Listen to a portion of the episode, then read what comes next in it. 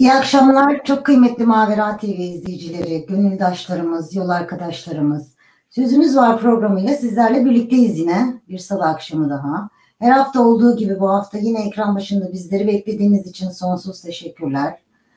Her hafta olduğu gibi bu hafta da çok kıymetli bir konuğum var. Sevgili e, Fatma Nur Altın, Tur, Turgev Yönetim Kurulu Başkanı Fatma Nur Altın Hanım. Hocam hoş geldiniz öncelikle. E, Merhabalar, hoş bulduk. Hoş bulduk, hoş geldiniz. Nasılsınız, iyisiniz inşallah? İyiyim, çok teşekkür ederim. Siz nasılsınız Sevda Hanım?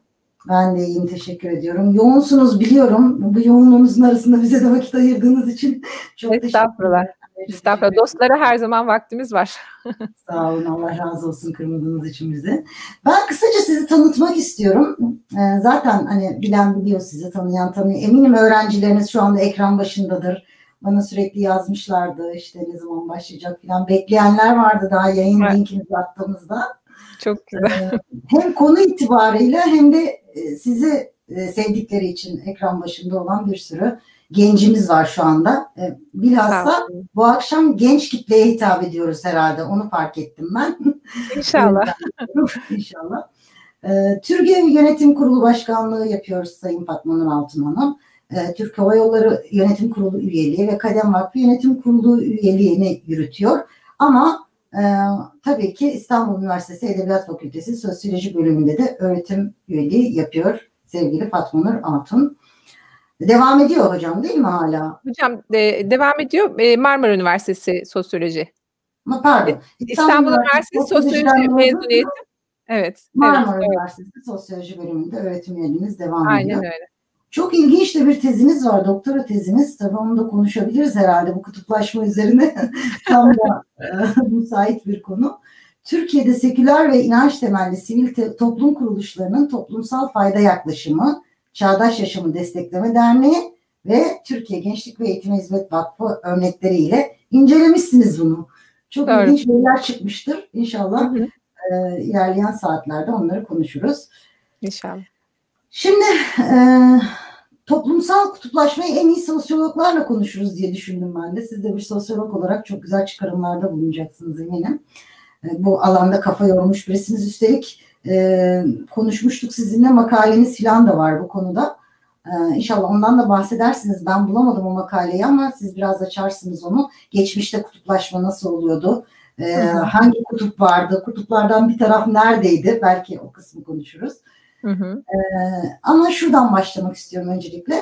Son günlerde oldukça fazla konuşulan Bir Başkadır dizisi üzerinden kutuplaşmamızı konuşacağız.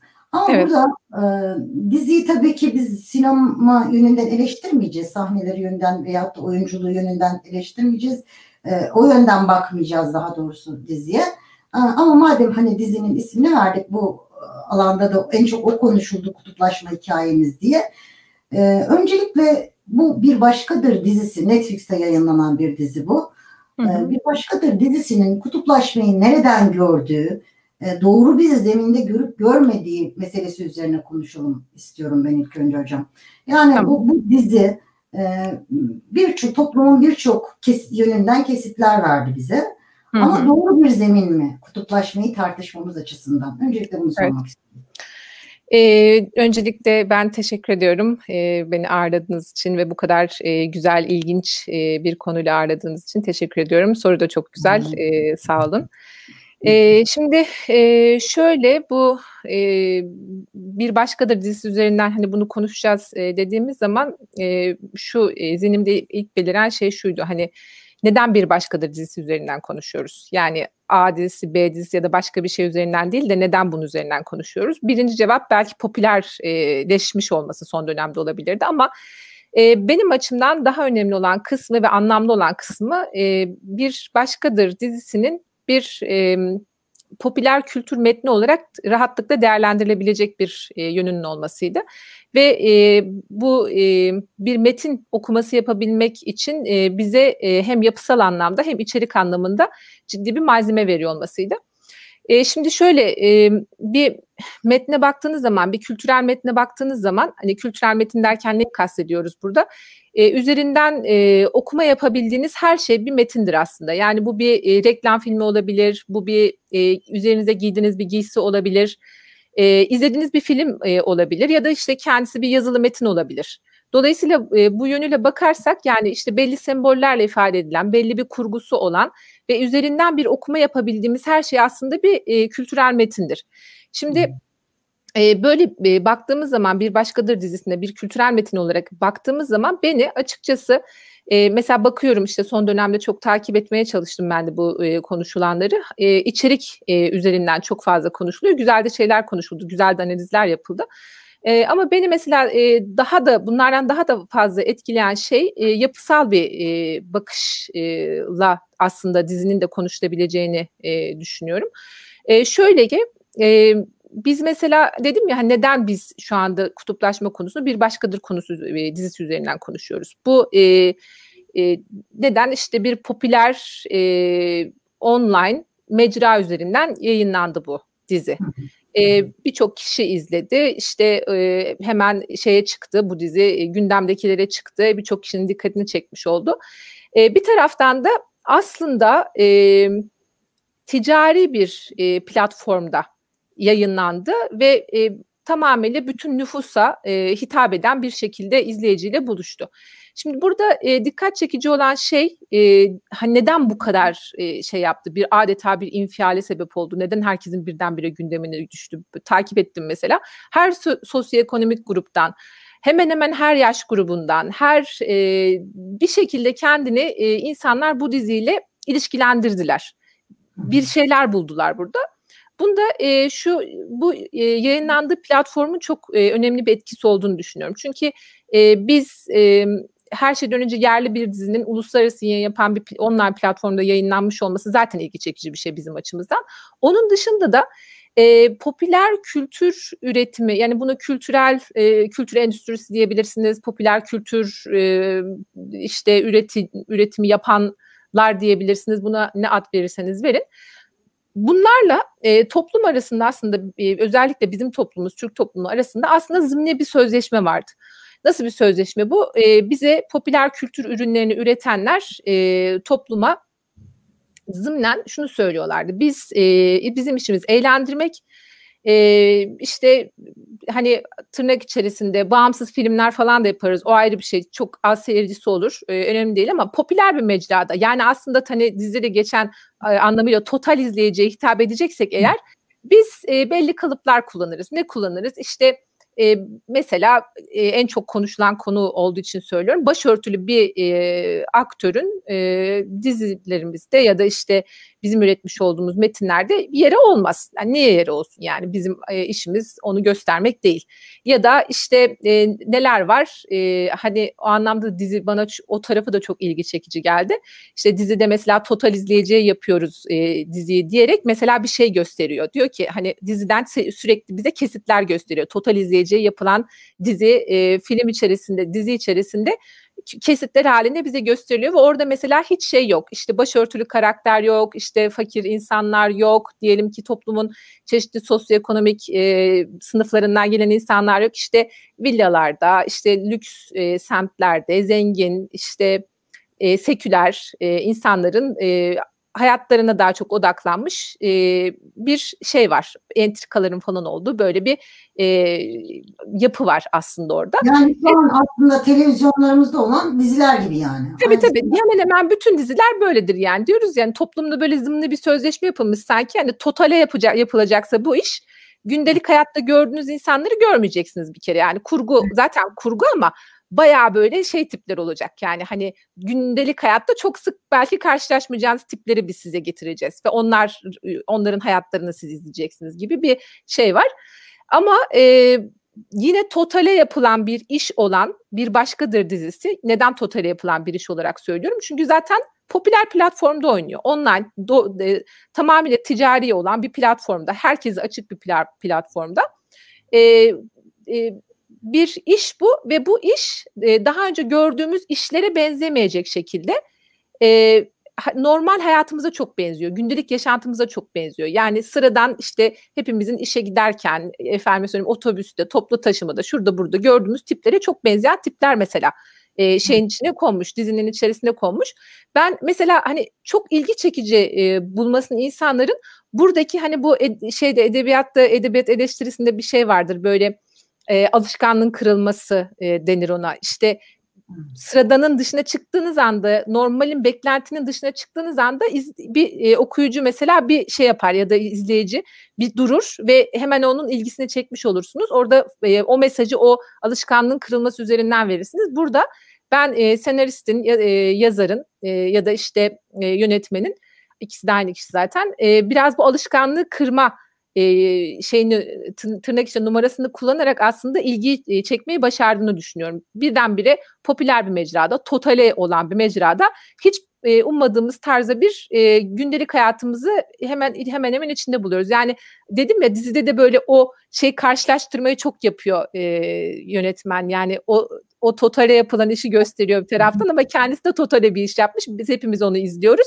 Oradaki karşıtlık mesela hepimize bence çok ilgi çekici geldi. O yüzden bu dizi bu kadar çok konuşuldu. Herkes böyle e, onları e, nasıl aldık? Adeta e, gündelik yaşantımız içerisinde iş yerinde karşılaştığımız bir ortamı değerlendirir gibi e, arkadaş çevresinde bir ortamı değerlendirir gibi karakterleri konuşmaya başladık mesela. Hani direkt içeriye iç, içine girmiş olduk, içeriye girmiş olduk. Yani dizi iyidir, kötüdür, efendim söyleyeyim kalitesi şöyledir, böyledir falan. Bunları böyle çok e, konuşma şeyine bile e, gelemeden hemen böyle karakter analizlerine falan başladık. Bu bu e, çok ilgi çekici buldum ben bunu. Yani çok çok başarılı bu anlamda. Yani bunu e, bu işi yapan işte e, işte senarist, e, yönetmen hakikaten bu anlamda kendisini konuşturmayı başaracak şekilde e, hem e, bağlamı kullanarak çünkü bu kültürel metinler dediğimiz şey üç sac ayağı üzerinde oturur. Bir tanesi metnin kendisidir, bir tanesi bağlamıdır, bir tanesi de e, ortaklaşılan tecrübedir. Şimdi burada üç sac ayağına da çok mükemmel şekilde oturuyor. Metnin kendisi var böyle bir e, şeyle alışkanlığı kıracak şekilde bir metin yapıyor. Bir taraftan bu kontekstin içine koyuyor. Gidiyor Netflix gibi popüler bir mecrada online e, yayın yapan tamamen ticari ve işte hiç insanların alışık olmadığı bir formatı getirip oraya koyuyor. Diğer taraftan da herkesin aynı anda izlediği ve ortak bir tecrübeye dönüştürmeyi bunu başarıyor bu bütün bu özellikleriyle beraber ve bu haliyle zaten dizi başlı başına bir popüler kültür olayına dönüşüyor aslında e, bakarsanız. Belki de ya, yapmak istediği buydu. Hani biz çok başka isimler verdik ona. Yani diziye yok kutuplaşmamızı ortaya koydu. İşte evet. bunu nasıl kırabiliriz? Onu Hı. ortaya koydu. Aslında bunların hiçbirinde yapmak istemedi belki de tabii kendisi ben hiçbir bunu, açıklama e, Evet evet. Bunun çok kasıtlı bir şey olduğunu. Buydu yani. kesinlikle kasıtlı olduğunu düşünüyorum. Nereden e, bu hani zaten bu okumayı yaptığım zaman kasıtlı olduğunu e, bir yerde zaten çıkıyor ama bir karakter var mesela dizinin içerisinde. Melisa karakteri çok enteresan bir karakter. O adeta bir dış ses gibi bir karakter. Yani diğer karakterlere bakın mesela hepsi bir sosyoekonomik e, arka planıyla, kendi tarihiyle, e, başka toplumla kurduğu başka başka bağlarla dizinin içerisinde yer alıyor. Melisa karakter öyle değil, kendi başına. Yani öyle bir enteresan bir karakter ki o o televizyonun içinde bir görüyoruz. Televizyonun içinde, televizyonun içinde bir karakter olarak onu görüyorsunuz. Oradan çıkıyor e, şeyin içinde bir karakter oluyor, dizinin bir karakteri oluyor ve orada da konuşuyor. Yani totale iş yaparken falan diye. Böyle oradaki şeyi de farkındalığı söylüyor yani aslında yani gösteriyor. Herkesin dile getiremediklerini bir de söylüyor yani. O da onu da yapıyor mesela. Arada böyle e, enteresan e, şeyleri de var mesela onun e, böyle söylenmeyen sözleri söylüyor. Değişik böyle insanları yüzleştirmeler e, de yapıyor. O anlamda da enteresan bir karakter ve o yüzden bilinçli yapıldığını düşünüyorum. Yani bu e, bu alışkanlığın kırılması ve bu e, kontekstin kullanılmış olması e, o anlamda diziye bir ilginçlik getiriyor ve hepimizi de e, birdenbire içeriği çok yoğun bir şekilde konuşur hale getirdi. Yani hiç bunları böyle e, konuşamadan çok bunların üzerinde bu yapısal e, dizinin yapısal e, taraflarını çok fazla farkına bile varamadan birden bir içine çekti böyle insanları adeta böyle e, karşılaştığımız insan ona benziyor, şuna benziyor, onu koymamış, bunu koymamış, şunu eksik yapmış,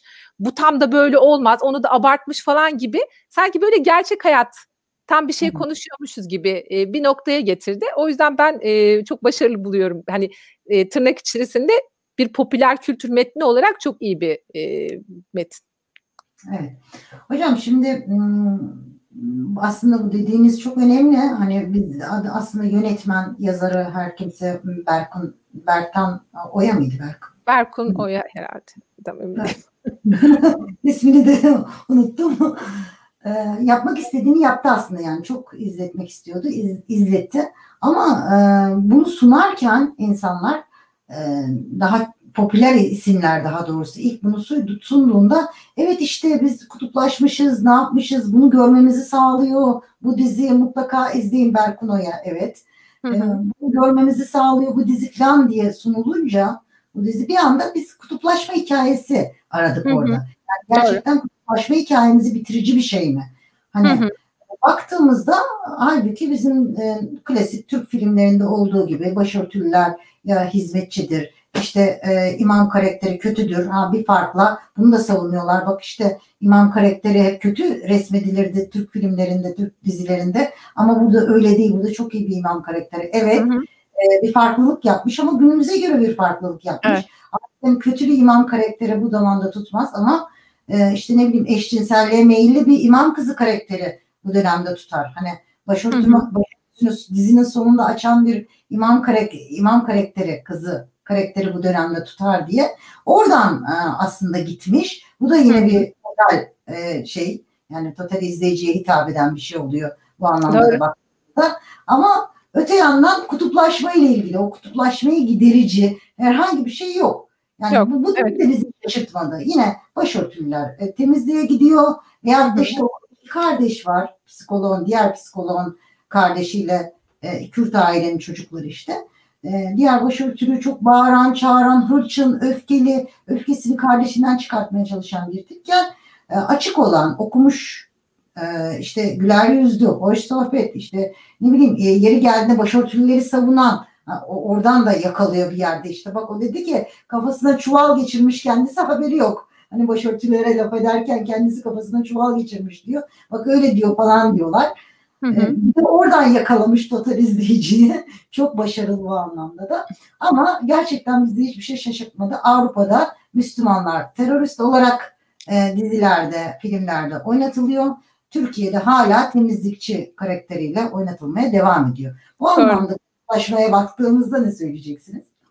Ya şimdi şöyle dizinin e, bence kutuplaşma ile hesaplaşmak gibi bir problem olduğunu düşünmüyorum. Dizi kendi başına bir e, dediğim gibi az önce de uzun uzun anlattım yapısal bir e, şey getirmeye çalıştığını düşünüyorum. Yani o e, senaryoyu yazanın kafasındaki gerçek hayat neyse gerçek karakterler neyse kimleri ne kadar tanıdıysa ne kadar gördüyse onları daha mümkün olan kendince mümkün olan en gerçekçi formda bir kontekse aktarmaya çalışmış. Yani biz şimdi şaşırdık o kadar konuştuk çünkü o konteksin içinde daha önce bu kahramanları görmüyorduk. Çünkü e, Meryem e, yine bir e, işte evin içinde hizmetçi bir kız olmasına rağmen e, daha önce alışık olduğumuz işte Türk sinemasında alışık olduğumuz temsillerde mesela bir başörtülü giriyorsa o başörtülü mutlaka bir fitne, bir e, kötülük, bir şey için giriyordur yani. Hani bir iyi bir şey için girmez e, yani. Ya da bir imam e, bir şeye giriyorsa, bir metne giriyorsa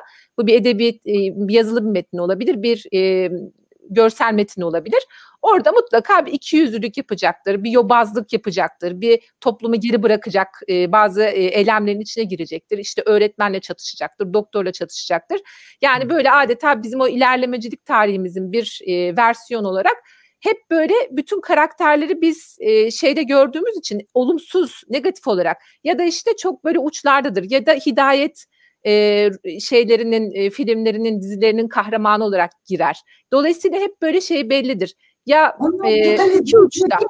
O hidayet kahramanları total o da, o, değil o, yani o, onu şöyle söyleyeyim. Mesela o alışkanlık olarak hep dedim ya başta o zımniye bir sözleşme yapmış gibiydi.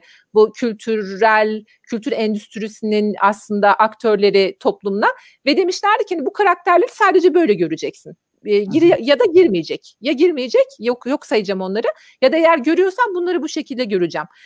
Orada e, dizinin e, karakterleri getirirken kutuplaşmayla e, hesaplaşma gibi problemi olduğunu düşünmüyorum. Onları sadece biraz daha gerçek hayatta görünür göründükleri şekliyle koymak gibi bir e, şey olmuş. O şaşırtıyor bizi yani. Hani e, Mer- Meryem yine hizmetçi. Yani o kadar biliyor işte o kadar görüyor koyan kişi neyse. Daha bir e, Meryem İlayda Atlas'ın yazdığı bir yazı vardı. Çok e, hoş bir şey söylemişti orada.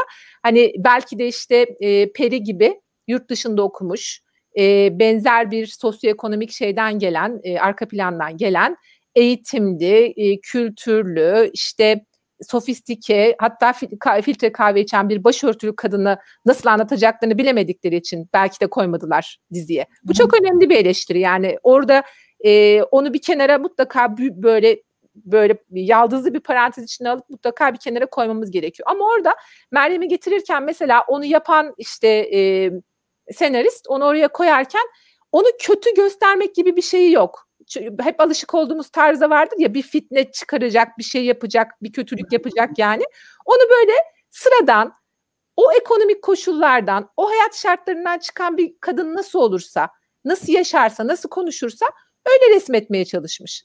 O yüzden bize garip geliyor. Yani hani ona bir şey eklemeye çalışılmamış olması, onu böyle bir kulp takılmamaya takılmaya çalışılmamış olması evimizi etkiliyor. Yani orada e, bir kutuplaşmayla hesaplaştığını düşünmüyorum. Aksine hani böyle bir şey yapıyorsa orada belki hani Peri'ye söylettiği bazı sözler var. İşte e, şey falan diyor Peri hani onlar bizden güçlüler mesela. Evet. O güçlü kelimesi beni mesela çok etkiledi. Meryem var karşısında okumamış, e, hizmetçilik yapan işte gencecik bir kız. E, yani söylediği şeylerin çoğunu anlamıyor. İşte kullandığı kavramların işte açtığı tartışmaların çoğundan haberi yok. Sadece kendince böyle şeyle, e, olanca samimiyetiyle, olanca insaniyetiyle yaşadığı şeyleri anlatıyor. Yaşadığı açmazları, çelişkileri, mücadelesini anlatıyor, paylaşıyor. Böyle sıradan bir insan. Yani onu ona bakarak o kadar yoğun duygular yaşaması Peri'nin ve güçlü diye onu e, güçlüler, bizden güçlüler diye mesela anlamlandırması orada aslında büyük bir kafa karışıklığı olduğunu da gösteriyor. Yani kutuplaşma İyi de kiminle kutuplaşıyorsun? Yani oraya az önce bahsettiğim gibi e, sofistike bir başörtülü karakteri bile koymadığın halde halen niye korkuyorsun? Yani orada işte en azından yani onun eşiti yani o bir psikologsa evet. onun kadar okumuş yüzlerce mesela. tabii. Yani yurt dışında okumuş işte tabii son derece işte böyle kültürlü kendi işte şeyleri olan e, sanatsal e, zevkleri olan bir sürü böyle yetişmiş insan var mesela. Onları e, belki tanımıyor e, yönetmen e, ya da senarist onları tanımıyor, tanımıyor. Tanımadığı için, onların hikayesini anlatmak zor olduğu için ya da bilmediği için çok basit bir şekilde onları oraya koymamış ama oradaki dengesizlik aslında bizim biraz tarihsel olarak kutuplaşma hikayemize bir küçük bir pencere açtığını düşünüyorum. Yani orada hmm. Meryem'in bir tane suçu var, var olmak. Bir kötülük yapmadı yani. Ona onun elinden bir şeyini almadı. Onu tehdit etmedi. Yani varlığı nın e, sadece var olmakla tehdit oluşturuyor olması ve oradaki e, şey e, hani iki kişinin arasındaki hem sosyoekonomik hem eğitim hem işte e, sınıfsal farklılık arasındaki o, o uçurumun büyüklüğüne rağmen böyle bir tepkinin veriliyor olması bizim aslında kutuplaşma hikayemize e, dönük bir e, güzel bir sembolizm diyebiliriz. Nasıl bir sembolizm? E, geçmişte mesela bir e, e, hani kutuplaşma tartışmaları özellikle 2000'li yıllardan sonra çok Türkiye'nin gündemine girdi. 2000'li yıllardan önce böyle bir tartışma yoktu. Şuna benzetiyorum bunu. E, 2000'li yıllardan önce mesela baş, başörtüsü problemi de yok deniyordu. Yani niye? Çünkü başörtüsü problemini e, bir problem olarak algılayabilmeniz için önce o problemi yaşayan insanların sesini duyuyor olmanız lazım. Önce o insanların var olduğundan haberdar olmanız lazım.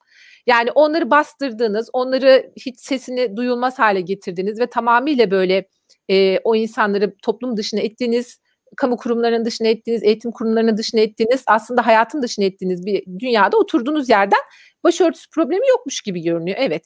Ama bir noktada özellikle 2000'lerden sonra insanların böyle yavaş yavaş toplumsal e, taleplerini, bireysel taleplerini, inanç taleplerini e, toplumsal alana doğru getirmeye başlamalarıyla beraber Peri'nin işte karşılaştığı, yaşadığı o e, sert karşılaşmayı yaşayan bir kesim toplumda var mı? Var. Yani bunlar da nereden çıktılar? Yani çoklar evet, güçlüler. Ama nasıl?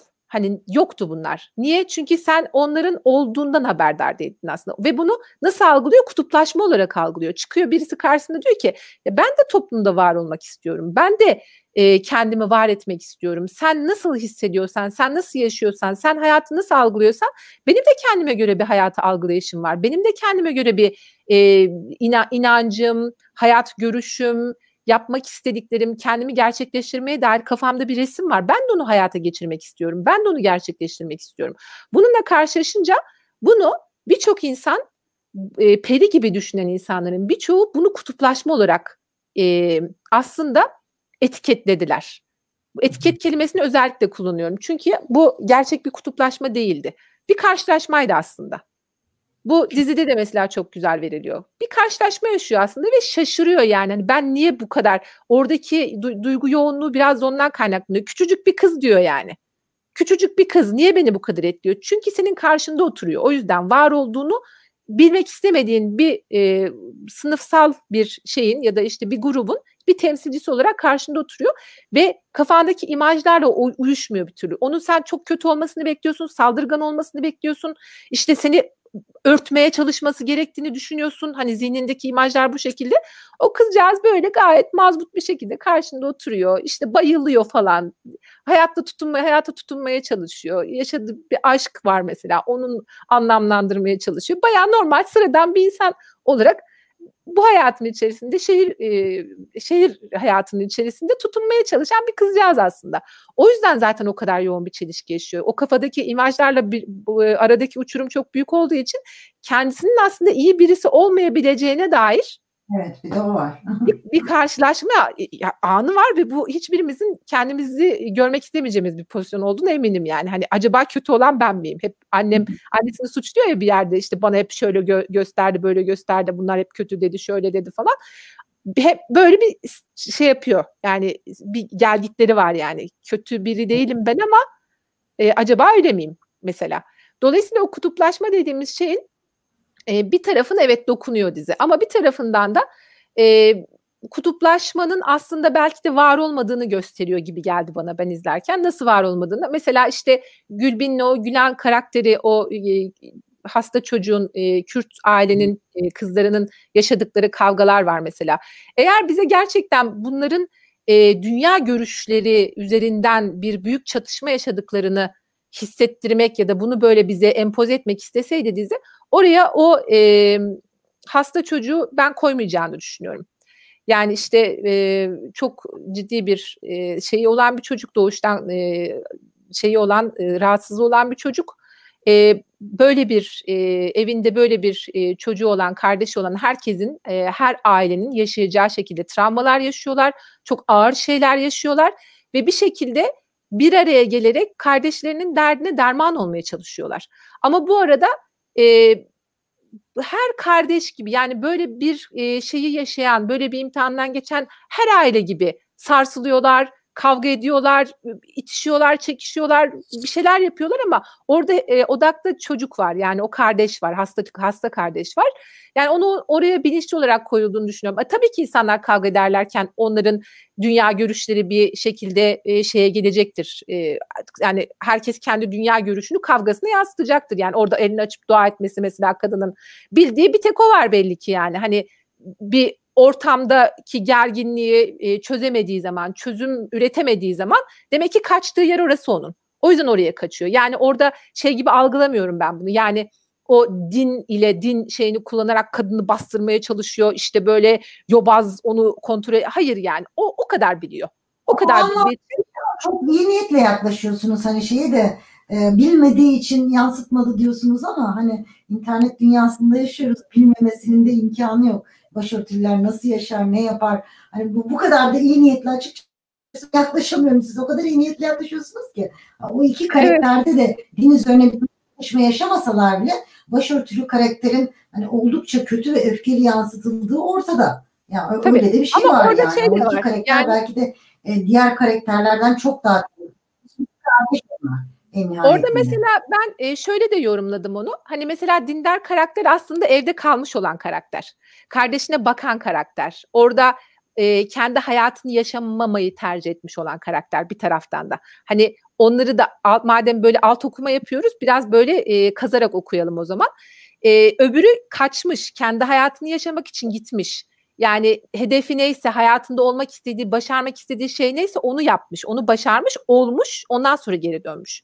Yani bu yönüyle baktığınız zaman e, o hani dindar eğer çok kötü bir karakterse tam tersi bence olmalıydı. Kaçan da aynı zamanda olmalıydı. Yani kötüyse bak bakmayan, kendi hayatını yaşamayı da seçmemiş, kendini kardeşine feda etmemiş kişi de o olmalıydı.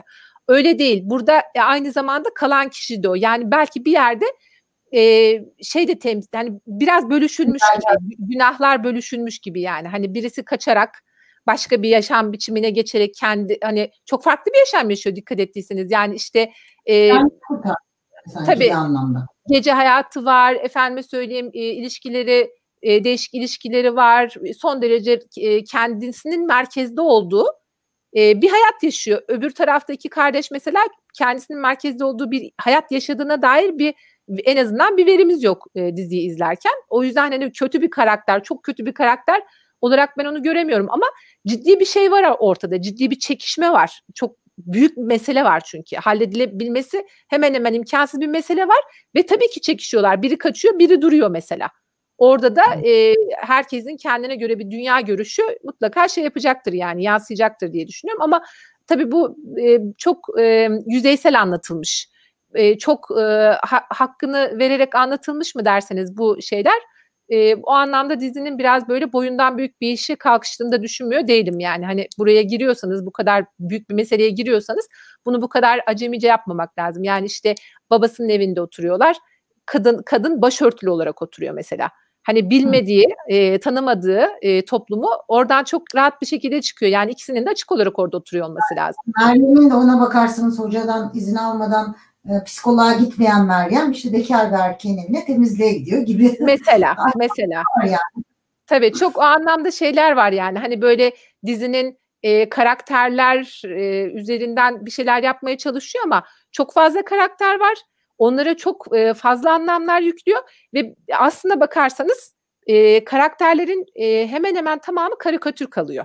Çok böyle yüzeyseller. Yani çok az dokunabiliyor, temas edebiliyor. Bilmiyorum devamı gelecek mi bu dizinin? Devamı gelirse e, ne kadar bu dağıttığı, böyle etrafa yaydığı bu karakterleri ve bu kadar çok sorunu, o kadar çok sorunu bir dizinin içine getirmiş ki.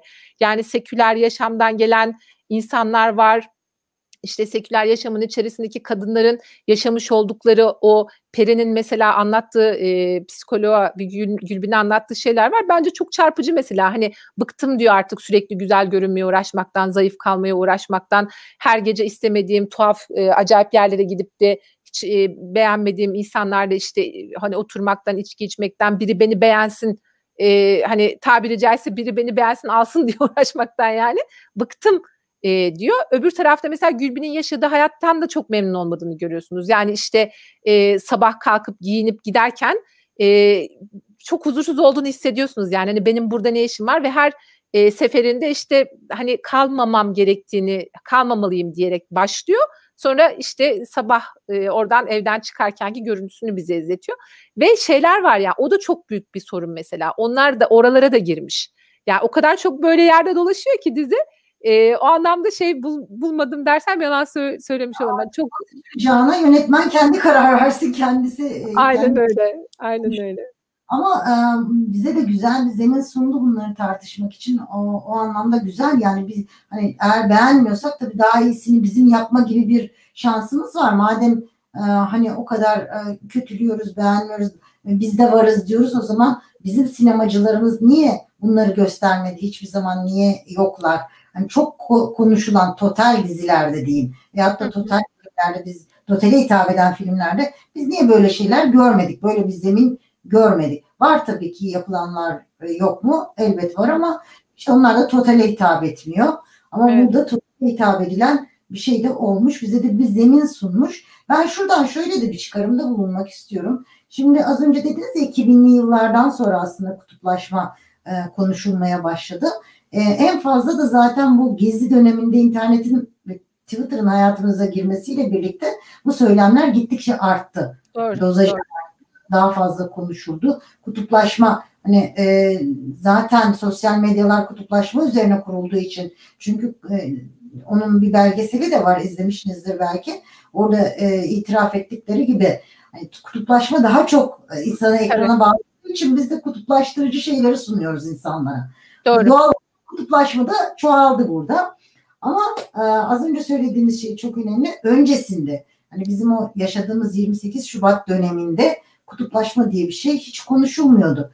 Neden konuşulmuyordu? Çünkü bir taraf hiç yoktu. Yani bir kutup olmayınca kutuplaşma nasıl konuşulsun?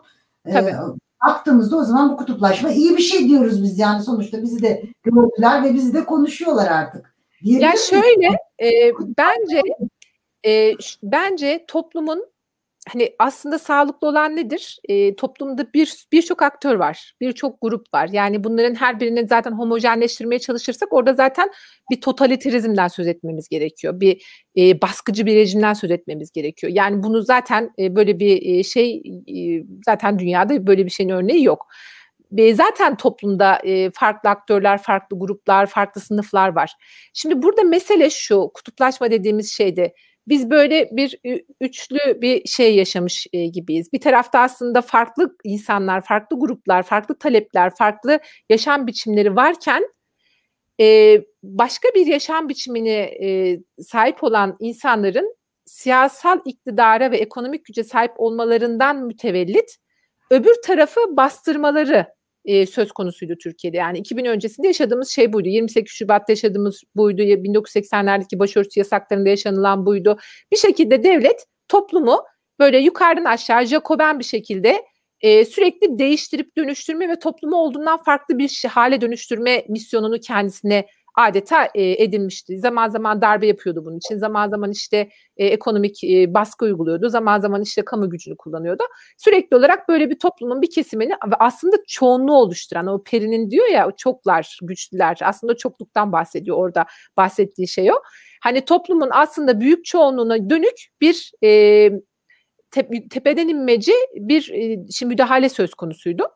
Bu müdahale varken ve e, bunu yapan aktörler güçlüyken bir şeyden bahsetmiyorduk, kutuplaşmadan bahsetmiyorduk. Niye? Çünkü zaten tek taraf var, tek güç var. O tek güç topluma yönelmiş ve topluma baskı uyguluyor. E şimdi 2000'lerden sonra ne oldu? 2000'lerden sonra o kalabalık e, şeyin, kalabalık e, grubun talepleri kamusal alana doğru gelmeye başladı. Yani hani bu Şerif Merdan'ın meşhur e, şeyiyle çevrenin merkeze doğru bir hareket söz konusu olmaya başladı. Ve çevre merkeze doğru gelmeye başladıkça insanlar tabii ki görünür olmaya başladılar. Yani başörtülü kadınlar üniversiteye gitmeye başladılar.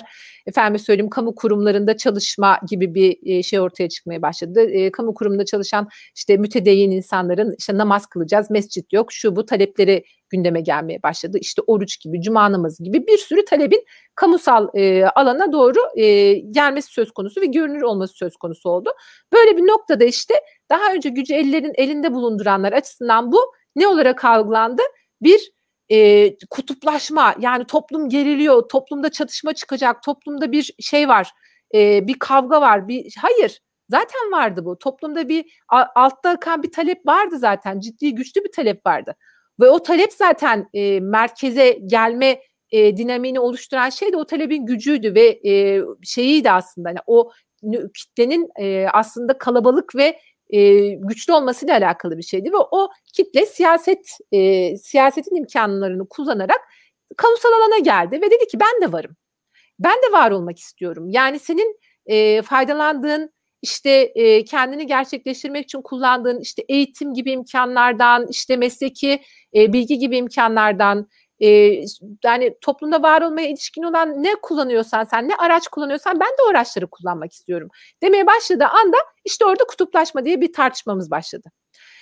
E, şimdi bakıyoruz mesela kutuplaşma e, hani yine zaman zaman çok diyoruz toplum kutuplaşıyor, kutuplaşıyor. Ben artık mesela hani ciddi bir kutuplaşma e, toplumda artık olmadığını düşünüyorum. Yani toplumda bakan insanların bunu kutuplaşma olarak algılamadığını düşünüyorum ama sosyal medya bu sefer e, işleri çok denklemleri çok bozmaya başladı.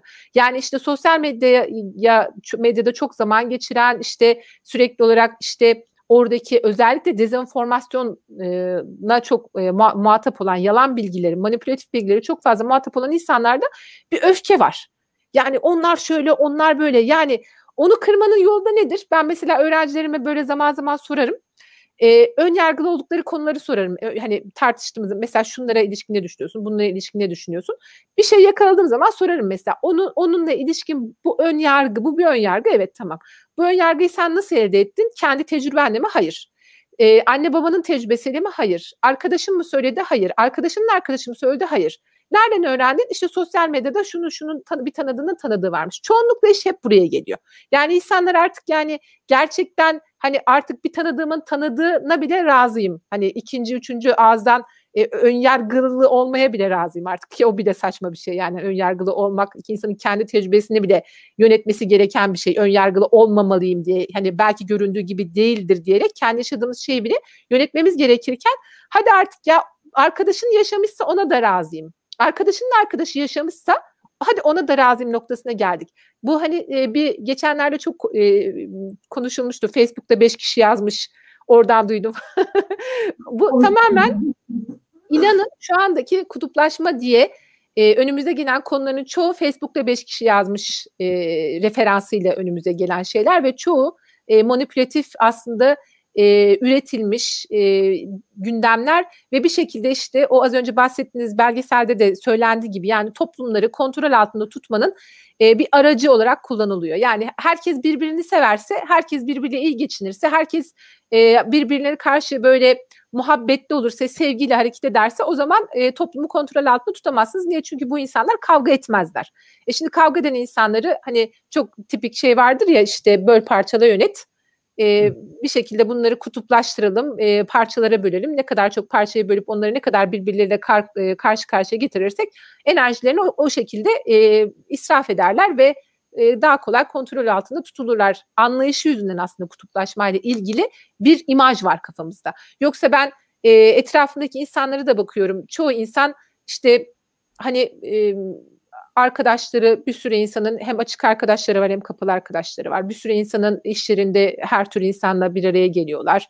Ee, ne bileyim sitelerde, apartmanlarda her yaşam biçiminden insan gayet birbiriyle güzel geçiniyor. Ailelerimizin içinde bile böyle. Yani işte birisi e, çok seküler bir yaşam yaşayabiliyor. Gayet böyle e, farklı bir şey yaşıyor. Birisi çok çok daha farklı bir şey yaşıyor diyelim ki daha e, muhafazakar bir yaşam yaşıyor ve gayet de insanlar çok güzel e, geçiniyorlar. Kimsenin kimseyle öyle bir şey üzerinden kavga ettiği falan yok. Hani böyle hani şey diyorum ben artık ideolojilerin de çözülmeye başladığı bir zamanda yaşadığımız için bu katı olan her şey buharlaşıyor e, kitabında hani söylendiği gibi.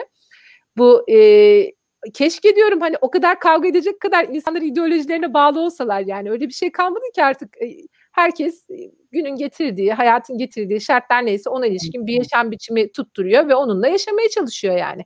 O yüzden e, biraz baya baya hani biraz demeyelim ciddi anlamda bunun şey olduğunu düşünüyorum. E, kurgusal e, bir şey olduğunu düşünüyorum. Adeta kutuplaşmacılık e, oynuyoruz. Yani toplumda topluma bu dayatılıyor. Top, bütün dünya toplumlarına aslında sadece bize değil.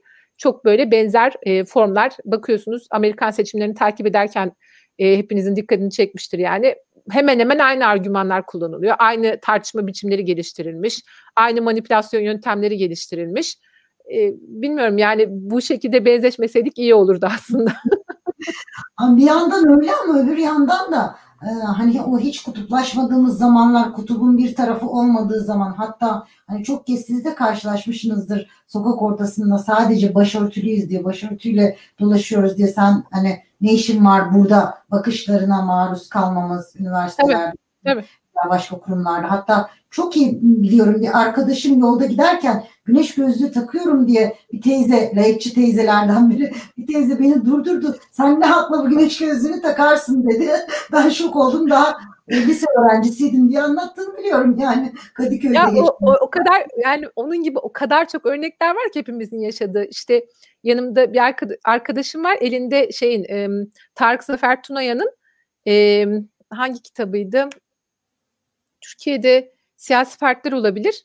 E, Atatürk'ün e, şeyi var, kapakta Atatürk var.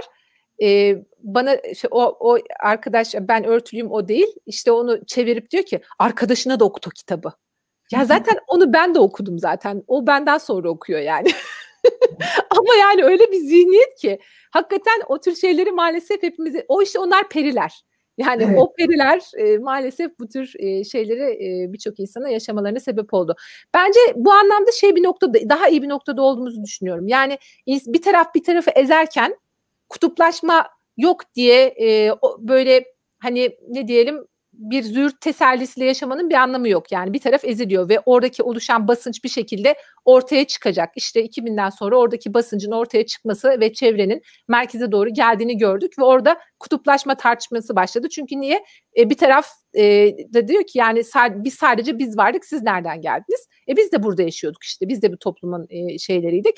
O şimdi kutuplaşma tartışması böyle bir e, bir süre canlılığını koruyacak. Bir süre sonra o periler kendileriyle yüzleşecekler, bir bir karşılaşma yaşayacaklar ve diyecekler ki belki de ben. Belki de ben e, düşündüğüm kadar iyi biri değilim. Belki de ben e, sadece bir e, tip insanın, bir grup insanın belki de var olmasına bile gıcık oluyorum. Yani belki de bunu yapmamalıyım noktasına gelecek. Herkes böyle ortalara doğru gidecek. Yani kimse kimsenin e, yaşam hakkını, yaşam alanlarını e, tehdit etmeyecek şekilde bir zihniyet oluştuğu zaman o zaman işte zaten hani bu yaşamamız gereken bir e, aşama, kat etmemiz gereken bir aşama olduğunu düşünüyorum. Öncesi daha kötüydü. E, şu anda bir kutuplaşma tartışması yaşıyorsak bu iyidir. Yani o enerji çıksın, konuşulsun. Herkes e, eteklerindeki taşları döksün. Bir sonraki aşamada tabii ki işte bu sosyal medya ve bu, bu gibi müdahaleler e, çok belirleyici olmazsa ve insanlar bu anlamda bir bilinç geliştirirlerse zaten şey olacağını düşünüyorum. Zaten ortalara gelecek herkes. Yani o kadar da kavga edilecek de bir şey yokmuş. Neyin kavgasını veriyormuşuz? Çünkü ben hatırlıyorum e, 96 yılında ben üniversiteye girdim. 98 yılında başörtüsü yasayla karşılaştığım zaman onun öncesinde sınıfımızda yani işte başörtülüler olarak azınlıktaydık. Arkadaşlarımızın, kız arkadaşlarımızın çoğu açıktı ve yani yediğimiz içtiğimiz ayrı gitmiyordu. Yani bütün işte e, ders aralarını birlikte geçiriyorduk, beraber sinemaya gidiyorduk, beraber vakit geçiriyorduk ve yani kimsenin e, şunu düşündüğünü hatırlamıyorum ben. O açık, o başörtülü, o şu, bu hiç böyle bir insanların böyle bir şey olduğunu hatırlamıyorum. Yani insanların zihnine böyle şeyleri zorla koydular. Yani o dedim ya o Jacoben e, o modernleşmeci e, şey, Jacoben modernleşmeci, o Jacoben laiklik e, anlayışıyla beraber uygulanan o baskıcı politikalar aslında insanları hiç akıllarına gelmeyen şeyleri insanların düşünmelerine sebep oldular. Yani e, dedim ya insanlar zaten böyle bir şey e, böyle bir ilişki biçimleri yoktu birbirleriyle zorla bu hale getirdiler. Sonra da işte e, bir karşı karşıya gelme gibi şu anda da bize anlatılıyor hikaye. Aslında ben bir karşı karşıya gelme değil bir karşılaşma olduğunu düşünüyorum ve karşılaşmaların da iyi olduğunu düşünüyorum. Yani herkes birbirinden bir şeyler alacaktır ve zenginleşecektir. Yani bu zenginlik dediğiniz şey böyle ortaya çıkar zaten hani e, hep aynı türde hep aynı biçimde yaşayan düşünen okuyan insanlar bir süre sonra kısırlaşıyor bunu biliyoruz yani e, kendi içinde kapanmadan birbirleriyle e, bir alışveriş içerisinde olmaları gerekiyor ki e, şeylerin hem bireylerin hem grupların öyle öyle bunu ben bir şekilde e, iyileştirebileceğimizi düşünüyorum. Yani bunun gerçek bizim köklerimizden yapısal bir sorun olduğunu düşünmüyorum. Zaten hani e, kutuplaşmayı savun, kutuplaşma var diyenler de aslında e, şu anda kendilerini e, eksi kutupta görüyorlar gibi. Yani şu an her şeye hakim biziz sanki. E, kapalı, kapalılar, başörtüler, muhafazakarlar her şeyin hakime. Ama onlar e, kötü tarafta, eksi tarafta duruyorlar gibi bir yaklaşım da var. Yine bu aynı gezi e, olaylarından evet. itibaren olan bir şey bu da. E, hatta o zaman bir arkadaşımla bir tartışma yaşamıştım o zaman ben işsizim kendisi e, milli eğitimde çalışıyor mezun olduğumuzdan beri ben de 99 mezunuyum. Hemen atanmıştı biz başörtüsünden dolayı atanamamıştık. İşte şey demişti bana her şeyin sahibisiniz daha ne istiyorsunuz artık falan ben işsizim diyorum. E, dedim ya. yani burada milli eğitimde bile çalışan sensin. Hani kamuda çalışıyorsun kamunun bütün imkanlarından faydalanan sensin. Bana mı diyorsun bunu dediğimi hatırlıyorum. Onlar kendilerini yani her şeye sahip oldukları halde şu şu dönemde bile mağdur olarak görebiliyorlar yani. Bu Şimdi ne biliyor musunuz? Ee, bu bir araştırma yapılmış. Şimdi uzun yıllar boyunca işte kadınlar e, üniversitelere gidemediler. İşte 100 yıllık bir hikaye kadınların aslında kamusal alanda gerçekten çıkıp da işte üniversitelere gitmeleri, işte kamusal alanda görünür hale gelmeleri. Mesela 2002 öncesinde e, Türkiye'de kadınların mecliste temsil oranı %2,5'tu. Bugün yüzde 14 yani bir, bir ara bir 17 oldu sonra yüzde 14'e indi tekrar. hani o da bir yapısal bir sorunlarımızdan bir tanesidir ya işte kadınların kamusal alana çıkamaması, temsil edilememesiyle ilgili bir sorun vardır. Göz alışınca kadınların olmamasına şimdi kadınlar gündeme gelmeye başladıkça kadınlar her yeri işgal ediyor işte böyle falan anlayış var bir araştırma yapılmış. E, erkeklere sormuşlar e, bir odada işte e, 10 10 kişi, 10 kişi var. 7'si erkek, 3'ü kadın. Böyle kısa bir süre odada kalmalarını istemişler. Çık, çıktığında sormuşlar kadınlar mı daha çoktu, erkekler mi daha çoktu diye sormuşlar. Erkeklerin tamamı kadınlar daha çoktu demiş. Çok ilginç. Çok ilginç. Yani bu hani göz o alışık olmayınca hep hep erkek görmeye alışınca 7 tane erkek, 3 tane kadın görünce kadınlar çoğunluktaymış gibi geliyor. Bu bu da ona benziyor. Yani göz şimdi başörtüleri görmeye alışık olmayınca tek tük böyle işte bir yerlerde e, temsil edilen kadın başörtülü kadın görme görmeleri adeta böyle şey istila e, gibi algılamalarına sebep oluyor. Halbuki mesela e, yap, e, çalışmalara bakıyorsunuz. E, mesela işte yönetim kurullarında kadınların temsiliyle ilgili bir e, çalışma var. Orada işte şey söylüyor. E, Türkiye'de mesela e, BIST yüzdeki yani en şey e, borsadaki 100 e, en üstteki 100 şirketten e, yönetim kurullarındaki e, kadın sayısı yani er, şey yönetim kurullarındaki bağımsız üyelerin sayısı 1600 civarı. Kadınların e, sayısı da işte 800 e, pardon kadınların sayısı da 200. E, kadınların sayısı az. E, 200 civarında kadın var. Başörtülü kadın ne kadar diye sorarsanız iki tane. Ama hani derseniz e, böyle bir hani anlatıya bakarsanız her yeri ele geçirdi işte şeyler e, başörtüler her yeri ele geçirdi. Niye? Çünkü işte başörtülü kadının araba sürü, süren başörtülü kadınlar görüyor ya.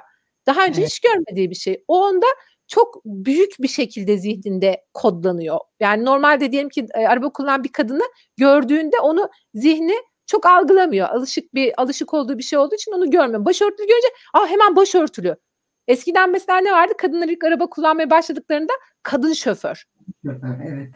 Çünkü yani e, erkek şoför oldu hata yapan mesela şimdi şoförler olduğu zaman diyelim ki işte o kamyoncu, o minibüsçü, o taksici, o bilmem ne. Ama diyelim ki hata yapan bir kadın sürücü, kadın sürücü. Halbuki öbürlerinin hepsi erkek ama erkek olması söylüyor. O kamyoncu, o minibüsçü, o taksici falan böyle kodluyordu. Biraz ona benzetiyorum şu anda başörtülerle ilgili yapılan şeyleri, değerlendirmeleri de. Çünkü göz alışık değil. Gör, her gördüğü şeyi kodluyor, katalogluyor. E kataloglayınca görün, görünür olmayanlarla görünür olanları katalogladıklarını karşılaştırdığı zaman e tabi başörtüler her etmiş gibi görünüyor ama öyle bir şey e, hiçbir şekilde gerçek e, değil aslında verilere baktığımız zaman. Evet.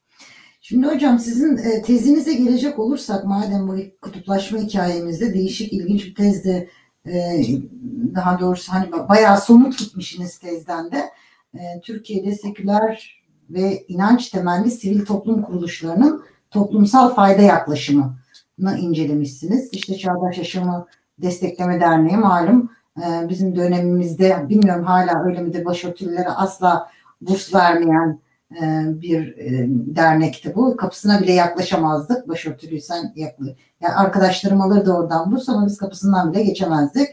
E, ve Türkiye Gençlik Vakfı yani Türgevi Türgevi örnekleri üzerinden toplumsal fayda yaklaşımını incelemişsiniz. Güzel güzel bir inceleme. Bu yönden baktığımızda toplumsal faydaya genel bir son soru olarak bunu da sorayım hocam da öyle bitirelim yoksa bu başına hiç bitmeyecek e, toplumsal faydaya e, din temelli veya inanç temelli bir yaklaşımla mı e, daha iyi, daha farklı yaklaşılıyor?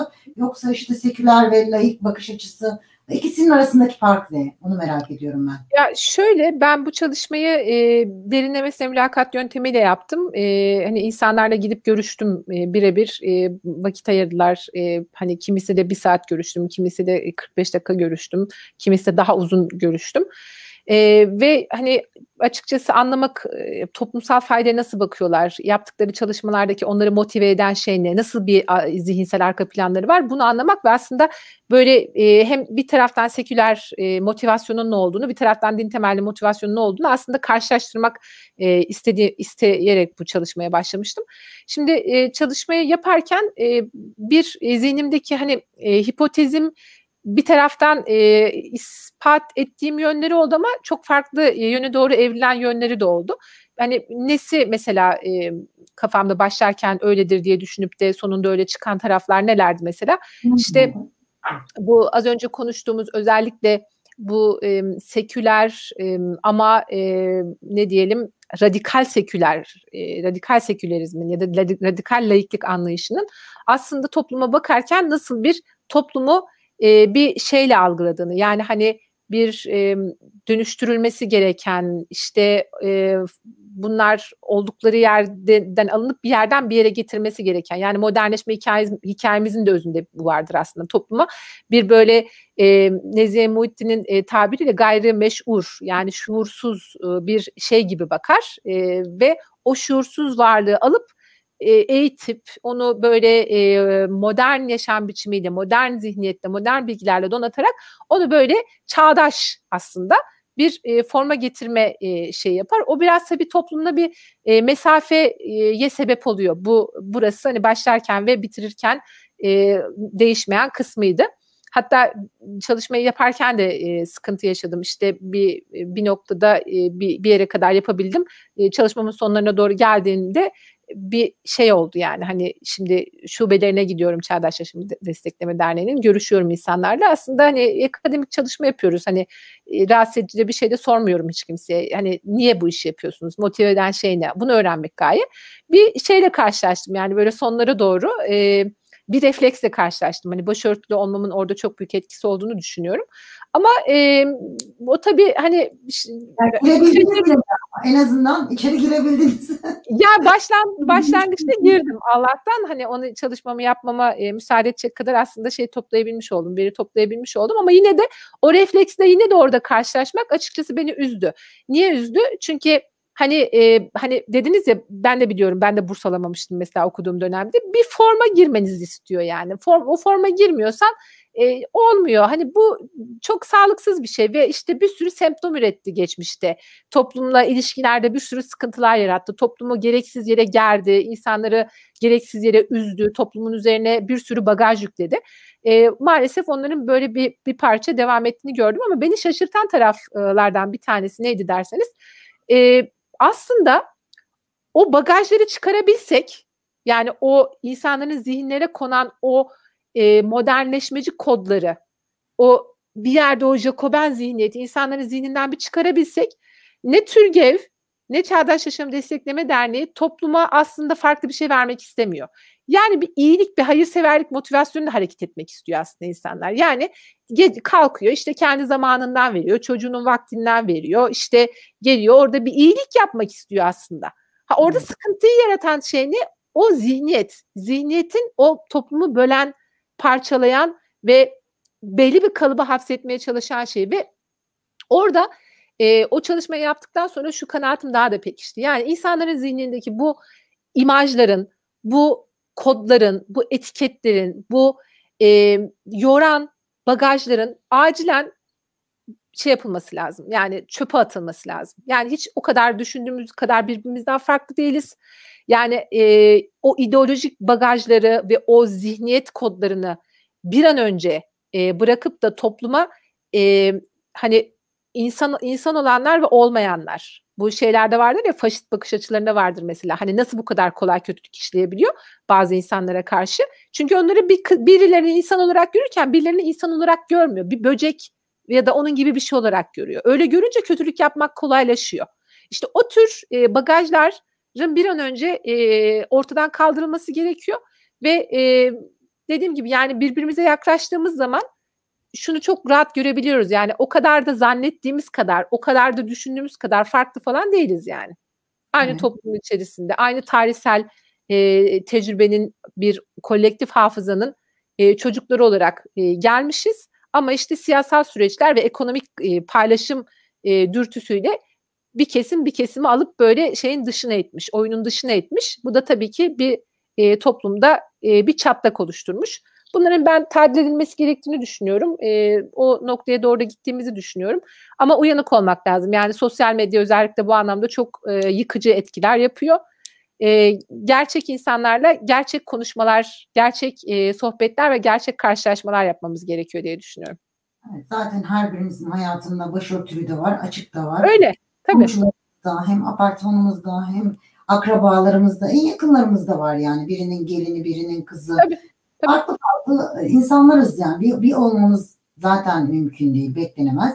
Ama Aynen. sanki bir kutu, iki kutup varmış gibi, iki kutup ayrı ayrı yaşıyormuş gibi e, resmediliyor. Bu da özellikle e, daha Evet. üst e, gelir seviyesinin e, seviyesi belli bir seviyeyi aştıktan sonra yani üst gelir seviyesinde daha çok yaşanıyor bu. Doğru. Alt gelir seviyesinde pek o kadar olmuyor. Herkes aynı şeyleri yaşıyor. Aynı diziyi izliyor, aynı şeylere gülüyor falan. Doğru. Gerçek var.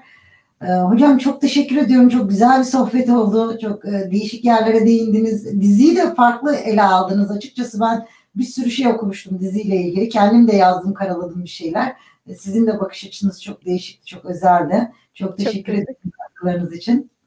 Ben e, çok teşekkür ediyorum. Ben de çok keyif aldım. E, hani e, vakit va- vakit olsa daha uzun uzun da konuşurmuşuz diye düşündüm. Çok Ama teşekkür ediyorum. Başka bir konuyla yine bir başka dizisiyle, bir başka dizinin ikinci sezonuyla belki karşılaşırız. Eyvallah. Eyvallah. Çok teşekkür ediyorum. Öğretmen dinliyordur bizi şu anda. Farklı bakış açıları geliştirecektir. Okuyordur illa bütün o yazılanları çizilenleri. Ben olsam okurum. Ben olsam Ben- okurum. Kesinlikle okuması lazım zaten ki eğer ikinci sezona devam edecekse farklı bir bakış açısıyla devam Doğru. etmesi için daha iyi olacaktır. Tekrar teşekkürler hocam. Ben çok teşekkür ederim Sevda Hanım.